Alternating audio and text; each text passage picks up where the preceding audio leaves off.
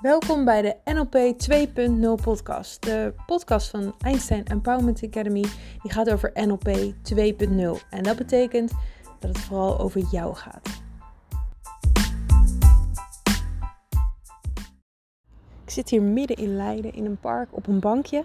Dus wellicht hoor je allerlei parkachtige geluiden. Maar ik wil het dus hebben over een onderwerp wat heel veel mensen bezighoudt. Namelijk de overtuigingen die we hebben. En overtuigingen zijn dingen die we uh, ja, hebben, allemaal hebben, maar eigenlijk heel vaak niet bewust meemaken. En als we het erover hebben, dan zeggen mensen soms van ja, maar zo denk ik niet over mezelf. Of dat geloof ik niet.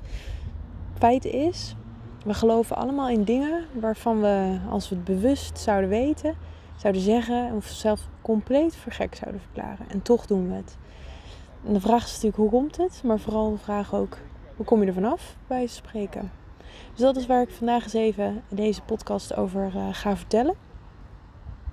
En om te beginnen wil ik ook eens meenemen naar het trainingsweekend wat ik uh, afgelopen weekend heb gehad. Waarin ik weer heel veel overtuigingen zag voorbij komen. Je ziet ze natuurlijk niet letterlijk, maar je ziet wel het gedrag wat mensen om je heen hebben. Want van andere mensen is het natuurlijk altijd eenvoudiger om te zien wat er gebeurt dan van jezelf. Dus ik kijk om me heen, ik luister, ik zie en ik, ik zie zo allerlei overtuigingen voorbij vliegen, bij wijze van spreken. Eh, doordat er gedrag is van mensen waar ze absoluut niet op hun allermooist zijn. Met name voor zichzelf. En dat is best wel ehm, bijzonder. Dat we eigenlijk uh, over het algemeen hebben geleerd om best wel hard en heftig met onszelf om te gaan. En dat ook nog eens compleet normaal vinden. Terwijl als ik zou zeggen, kijk eens naar, uh, zou je hetzelfde doen naar, tegen je kind, uh, naar je huisdier bij spreken, naar je partner of naar vrienden. Of als je het zou zien bij een van hen, wat zou je ervan van, van, wat zou je ervan vinden? Dan zou iedereen zeggen, ja, dat zou ik echt afkeuren. Dat zou ik echt niet, uh, ja, zou echt wat van zeggen dat iemand zichzelf zo niet zou moeten behandelen. En toch doen we het bij onszelf heel erg veel. Ik heb al een paar weken over dit thema ook nagedacht, overtuigingen. Want het is iets Ehm, wat dus zo aanwezig is, ehm, maar zo onbewust werkt. En ik dacht bij mezelf, goh, hoe kan ik er nou eens uh, voor jullie iets over vertellen? Waardoor je het bij jezelf ook wat meer activeert. Maar ook voor mezelf weer eens op onderzoek gaan. Wat leeft er nog bij mij? Waarmee ik mezelf ondermijn. Want dat is het eigenlijk. Ik kan niet het mooiste mensen uit mezelf halen als ik in dingen geloof die me daarin ondermijnen. En dat is misschien wel waar overtuigingen uh, een prachtig instrument in zijn. Dat als je dingen van jezelf uh, niet zo mooi vindt of bepaalde dingen in het leven niet hebt die je wel zou willen, dat de overtuigingen in jezelf misschien wel het allermooiste punt zijn om omheen te kijken, omheen te draaien, nou ja, waarneemposities over in te nemen. Zoals ik in mijn vorige podcast vertelde. Of diepgravend onderzoek in jezelf te doen. En dat vergt natuurlijk ook wel weer even wat lef want uh, durf je te voelen, te kijken en te luisteren naar wat je precies bij jezelf van binnen zegt.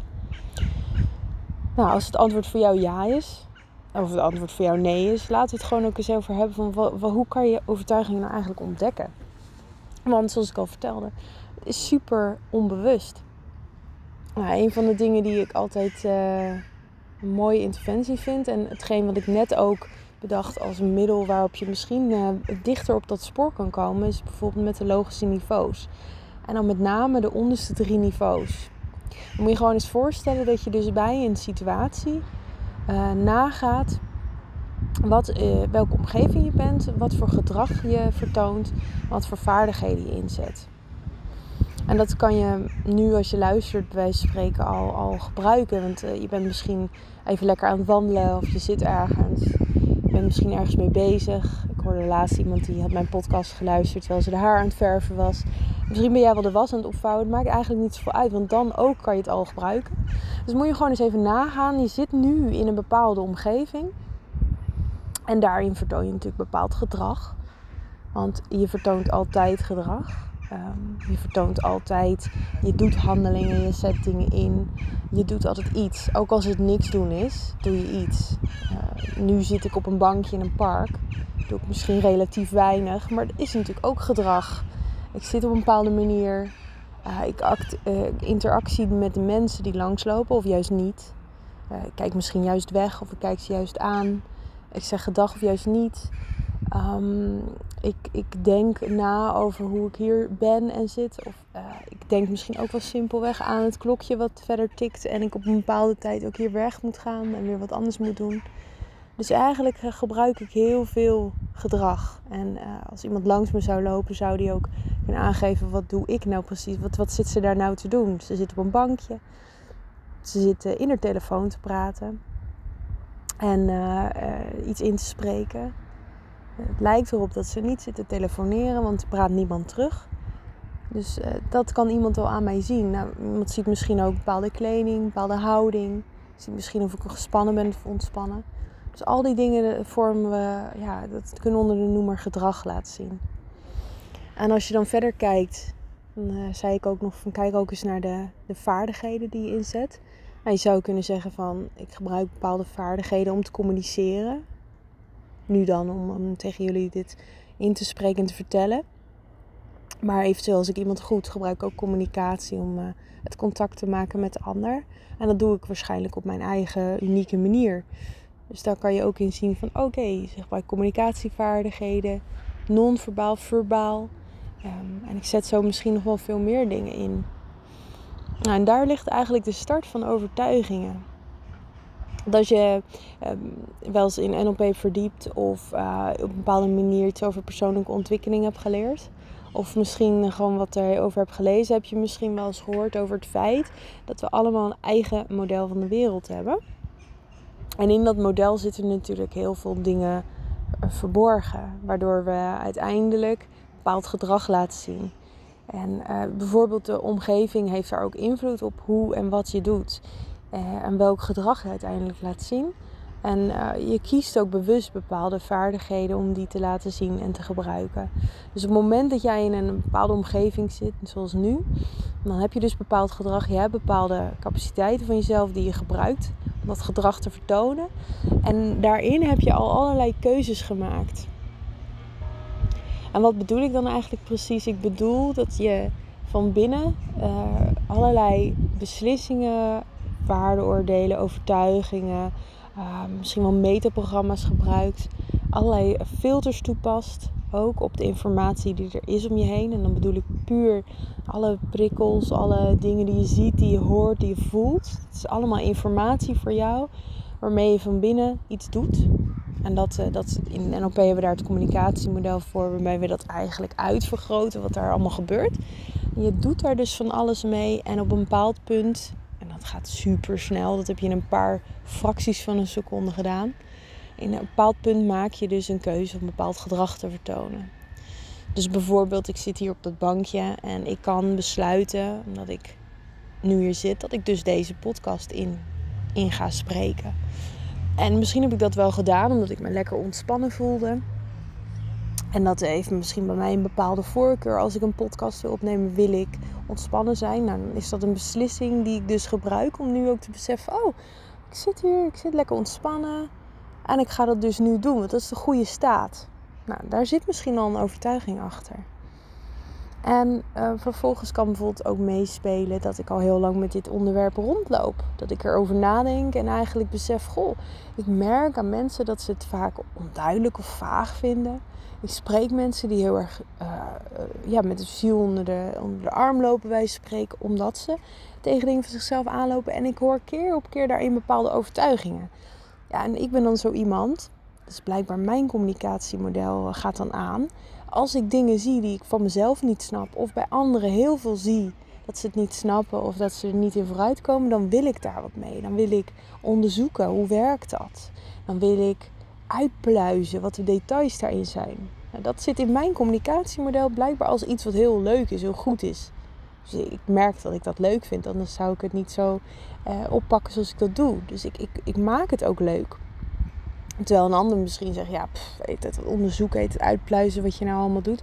Wat een gedoe man, dan kan je niet wat leukers verzinnen. Dus dat is heel specifiek voor mijn communicatiemodel. En dat betekent dus ook, als ik hier op dit bankje zit en de keuze maak die ik maak, past dat heel specifiek bij wat ik van binnen heb bedacht hierover. Over de omgeving en over het gedrag wat ik wil vertonen en over de capaciteiten die ik ga inzetten. En als je dan dus verder en verder daarin doorpluist, wat ik natuurlijk graag doe, dat heb je net van me gehoord, dan zit er dus ook een overtuiging achter. En misschien is het dan handig om even te weten en te beseffen wat is een overtuiging.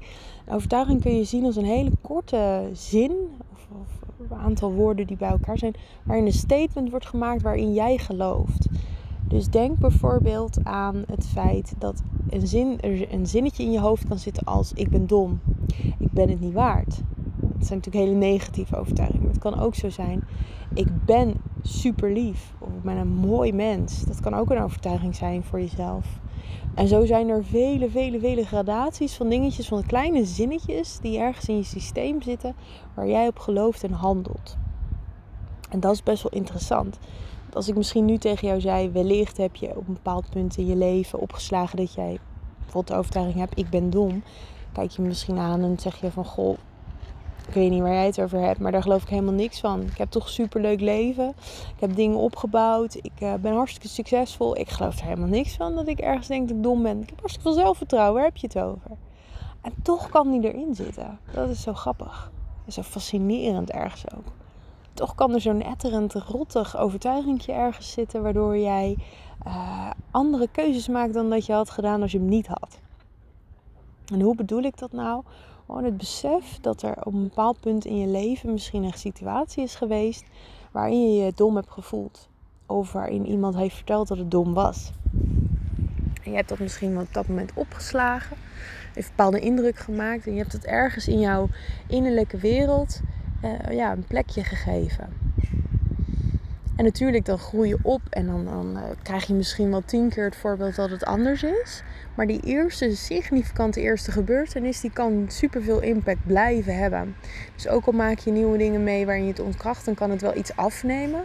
Of sterker nog, je bouwt een soort omweg, dat je het anders doet en beter kan. En toch kan die overtuiging nog invloed op jou hebben. Dus want hij ligt er nog steeds daar beneden. Ergens in die diepe ja, laadjes van jouw onderbewuste. En dat zijn dus met name ook de dingen die we leren tussen 0 en 7 jaar. Want als je naar de ontwikkelingspsychologie kijkt, dan zie je dat tussen 0 en 7 jaar de allerbelangrijkste waarden en overtuigingen worden vastgelegd. En daarmee eigenlijk een blauwdruk waarmee je hele leven doorgaat. Dus als je daar ergens iets hebt opgepikt, wat, um, wat zoiets is als ik ben dom bijvoorbeeld, dan neem je dat gerust heel je leven mee. En zoals ik zei, je bouwt superveel mooie omwegen om hartstikke succesvol te worden. En om uh, je leven te creëren en heel veel dingen te bereiken waar je misschien hartstikke trots op bent. Bent misschien super trots op, op het leven als je er naar kijkt. Weet je, dat je materiële dingen hebt gered. Maar ook misschien dat jij de liefde van je leven hebt kunnen ontmoeten. Of uh, dat je fantastische vrienden hebt. Of waanzinnige momenten met kinderen. Hele leuke huisdieren.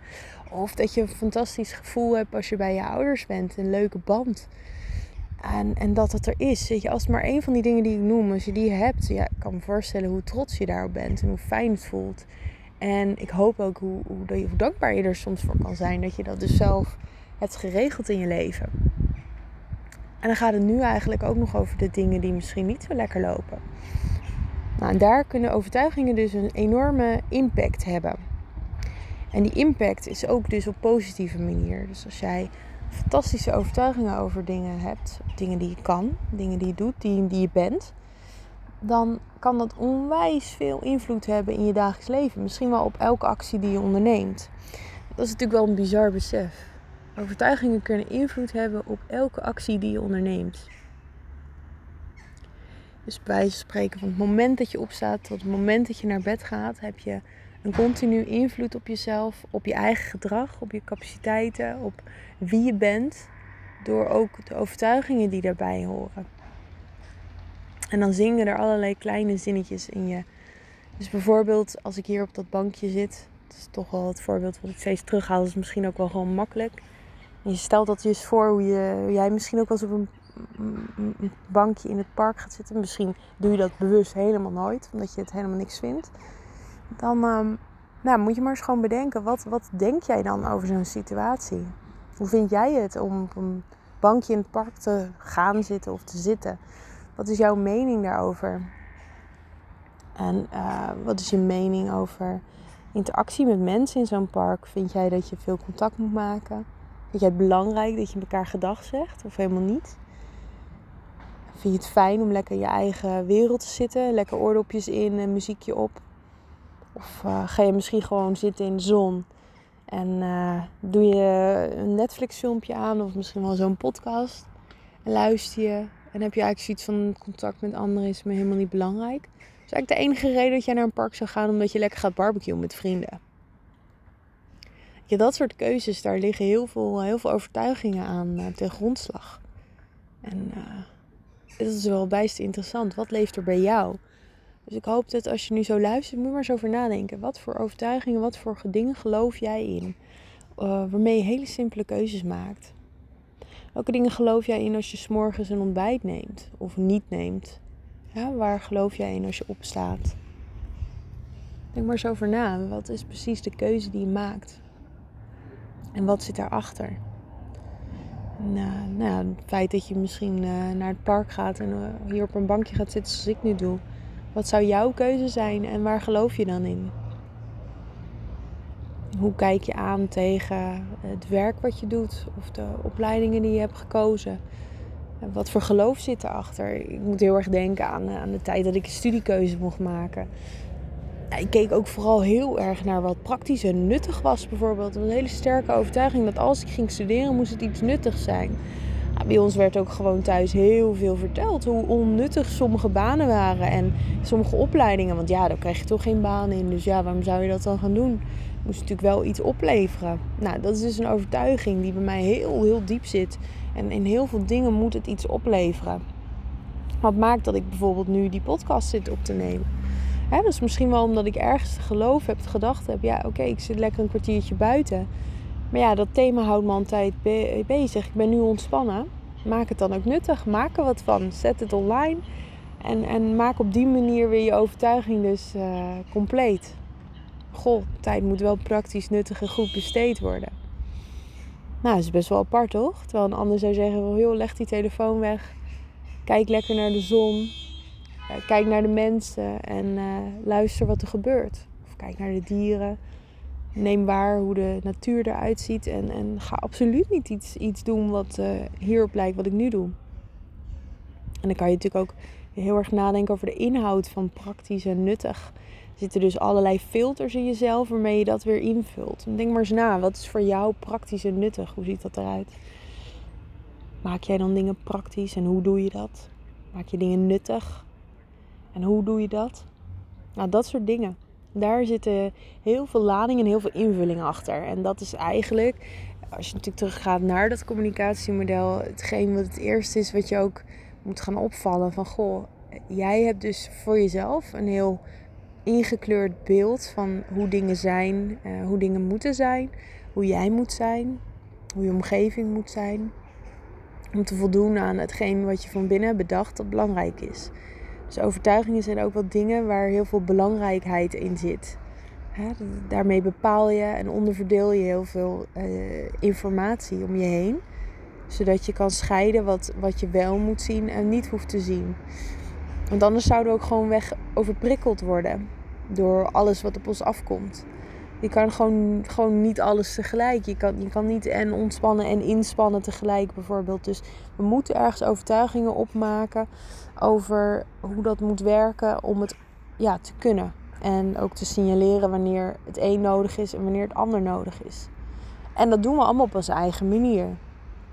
En uh, zoals ik al eerder zei, heeft dat 0 tot 7 jaar heeft daar heel veel invloed op. Dus je ziet daarin vaak wel heel veel dingen terug van wat je bijvoorbeeld thuis hebt geleerd. En als je dat specifieke niet fijn vond, heb je misschien wel het tegenovergestelde ervan opgezocht. Dus zo zie je dat dat heel veel invloed heeft op elkaar. En het is gewoon heel interessant en belangrijk om daar gewoon eens een beetje bij stil te staan en over na te denken hoe dat voor jou gaat en hoe dat voor jou werkt. Dus hoe zit dat bij jou in elkaar? Misschien kun je nadat je dit hebt geluisterd ook gewoon eens een aantal dingen opschrijven. Dat je bij jezelf nagaat over een omgeving, over gedrag en capaciteiten die je in die specifieke omgeving gebruikt. En wat je daar dan voor geloof en overtuiging achter hebt. Waar geloof je op dat moment in? En zoek ook echt, misschien schrijf je in eerste instantie iets, iets op wat, wat meer woorden en zinnen heeft. Zoek ook eens naar die specifieke korte zin die daar eigenlijk achter zit. Want daar ligt wel heel veel over jezelf, wat je misschien uh, elke dag meeneemt, maar nog niet zo bewust in je handtas had zitten. Of je rugzak. Maar die heb je natuurlijk wel. Dus daarmee wil ik je eigenlijk ook stil laten staan bij wie je bent en waar je in gelooft. Zonder dat je nu al per se een verandering hoeft te maken. Maar dat je gewoon beseft wat er nou precies zit.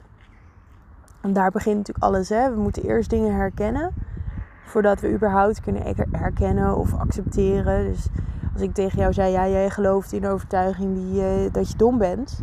Zeg je, ja, hoezo dan? Hoe kom je daaraan? Dus je zult, als, als je mij überhaupt mee, ja, mee wil gaan met wat ik zeg, zul je eerst het überhaupt moeten herkennen bij jezelf. Dan zul je mij waarschijnlijk vragen van, joh, wat maakt dat jij dat zegt? Hè? Wat zie jij dan aan mij? Als je daar open voor staat. Nou, dat is een goed begin. Hè? Dat andere mensen iets benoemen wat je niet van jezelf kan zien. Zodat je ook de blinde vlekken van jezelf ja, ontdekt. En vervolgens ja, is het wel interessant of je hem kan meenemen. Goh, oké. Julia zegt dat zo tegen me. Ze geeft een paar voorbeelden waaruit ze dat uh, bedenkt en opmaakt. Nou, hoe, hoe zie ik dat zelf? Kijk er gewoon eens naar of je terug herkent. Wees ook sceptisch. Hè? Eh, iedereen kan dingen tegen je zeggen. Trainers kunnen dingen tegen je zeggen. Maar je moet zelf ook altijd even aftesten van... hey, klopt het? Klopt het wat er gezegd wordt? Herken ik dat? Zou het zo kunnen zijn?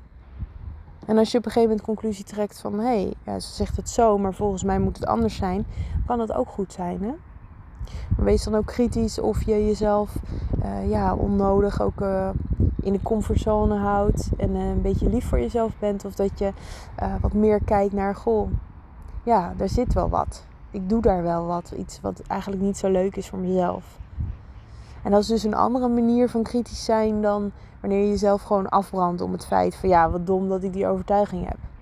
Wat super dom dat ik het zo bekijk. Of dat ik het uh, niet eens gewoon even kan benoemen en uh, bewust kan maken. Maakt nou dat ik niet kan schakelen?